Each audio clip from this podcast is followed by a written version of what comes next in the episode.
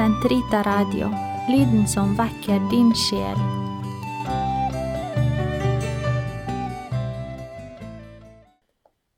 Den katolske kirkes katekisme, uke 43, tirsdag 8.30 til 8.38.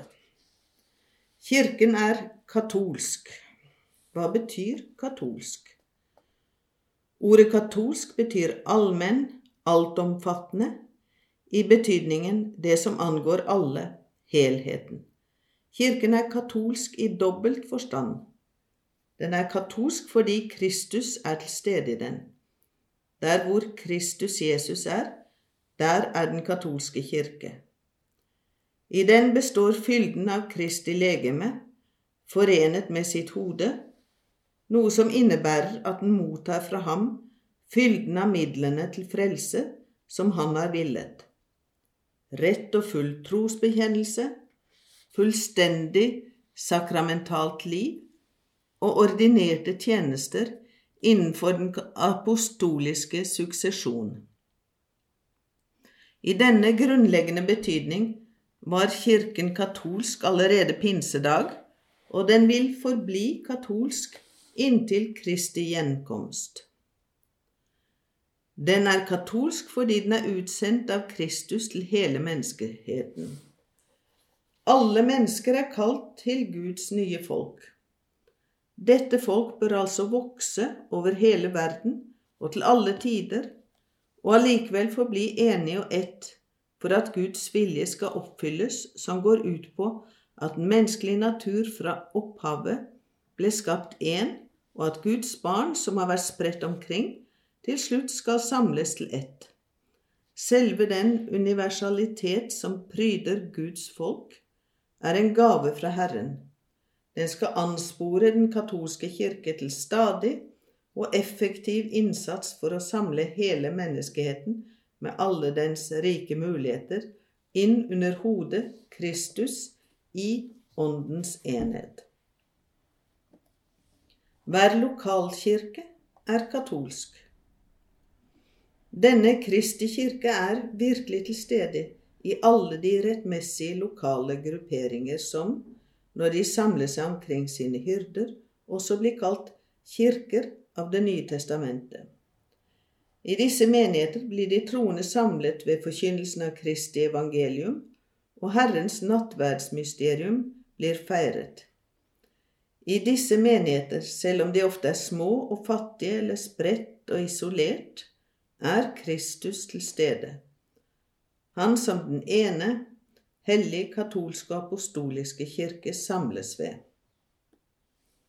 Ved lokalkirke, som er bispedømme eller eparkiet, forstår vi et fellesskap av kristne som i troen og sakramentene er i kommunion med sin biskop, vigslet i den apostoliske suksesjon.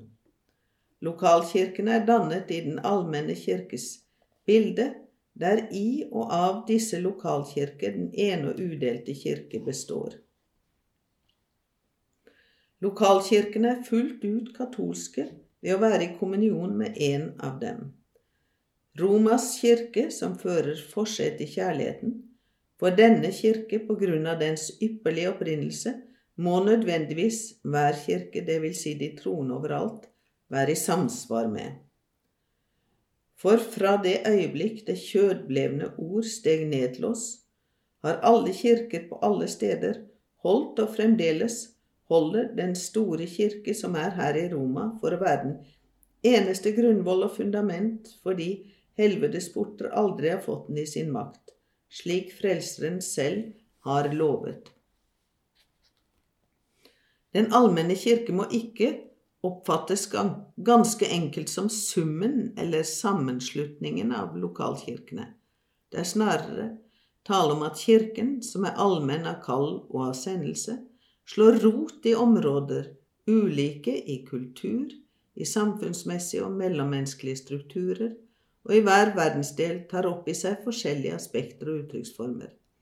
Det rike mangfold i reglene for kirketukt, i liturgiske riter, i åndelig og teologisk arv som lokalkirkene byr på, er en ypperlig manifestasjon av den udelte kirkes katolisitet. Hvem tilhører den katolske kirke? Alle mennesker er kalt til denne katolske enhet i Guds folk. Alle tilhører den eller er rettet mot den på forskjellig vis.